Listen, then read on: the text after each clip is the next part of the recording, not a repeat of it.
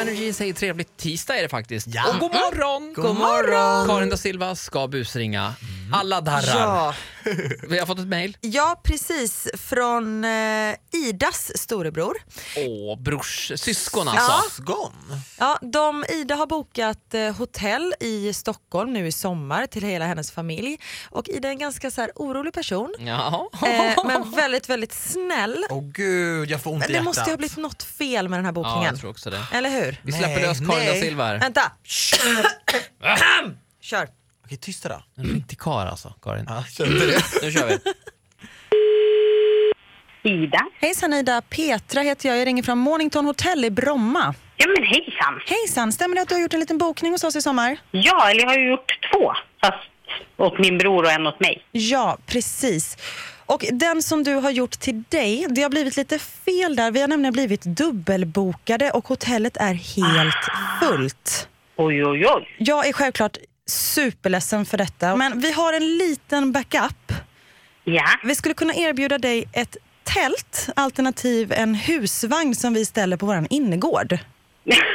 det var ju inte riktigt vad vi hade tänkt. Nej, jag men förstår det. Som sagt, jag ber så hemskt mycket om ursäkt. Men, jag Men- försöker göra det bästa av situationen här. Det skulle i alla fall funka med en husvagn. För vi är ju ändå en familj som är ganska... Alltså, vi har ganska stora barn. Ja, precis. Hur gamla är barnen? Jag tänker bara på vilken husvagn vi ska välja. En treåring och en sjuåring. Eh, är det... Och, ja, en till liten grej här. Eh, När man bor i då husvagnen så kommer det inte ingå frukost. Ja. Eh, men det finns ju ett litet trangiakök och sånt där. Och ni kommer även få ett litet förtält. Så ni kommer ju laga, kunna laga er egen frukost om man säger så. Ni kommer kunna gå in i restaurangen och kanske värma lite mat och sånt. Ja. Eh, Ja, men vi kommer lägga in ett åttapack panpizza i frysfacket där också. Fast de äter inte pannpizza. ingen, av oss, ingen av oss fyra äter pannpizza. Eh, Så okej, ja, behöver för det är de inte enda sponsorerna vi har. Alltså kan jag återkomma på något sätt till dig? Eh, Jag måste tyvärr ta allting nu, för det är många som står på kö och den här husvagnen, ja, ja, det står mellan två familjer nämligen, så jag står och liksom utvärderar lite vem av de här familjerna jag ska ge husvagnen, för det står mellan husvagnen och tältet. Aha, ja men då tar vi husvagnen. Husvagnen, yes. Husvagnen har dock lite hål i sig, för den har blivit lite skadedjur på den, så det kan förekomma vissa möss och sånt där. Men det brukar inte vara så mycket möss just på innergården i och med att eh, diskoteket ligger precis, ja, husvagnen står precis där, så mössen brukar försvinna av alla vibrationer på grund av musiken.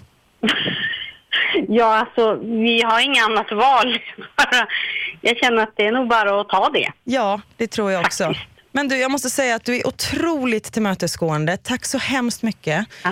Och sen så måste jag bara fråga, vem är Karin da Silva? Nej. Nej! Ida, Karin da Silva heter jag, jag ringer från Vakna med Energy. Åh! Alltså du är den snällaste människan på denna jord. Gud, det är din bror som har skrivit in till oss och vill att jag ska ringa och busringa Alltså till jag dig. ska nog ge, se till så att jag är en bror mindre snart. Men gud Ida, du verkar ju vara världens finaste människa. Tack. Det är väl självklart att du inte ska bo i en husvagn. Ni kommer ha det hur mysigt som helst på er vistelse här uppe i Stockholm. Ja men du, tack så mycket. Hit music only. Energy. Hit music only. Ett poddtips från Podplay. I fallen jag aldrig glömmer djupdyker Hasse Aro i arbetet bakom några av Sveriges mest uppseendeväckande brottsutredningar. Går vi in med hemlig telefonavlyssning och, och då upplever vi att vi får en total förändring av hans beteende. Vad är det som händer nu? Vem är det som läcker? Och så säger han att jag är kriminell, jag har varit kriminell i hela mitt liv men att mörda ett barn, där går min gräns. Nya säsongen av Fallen jag aldrig glömmer på Podplay.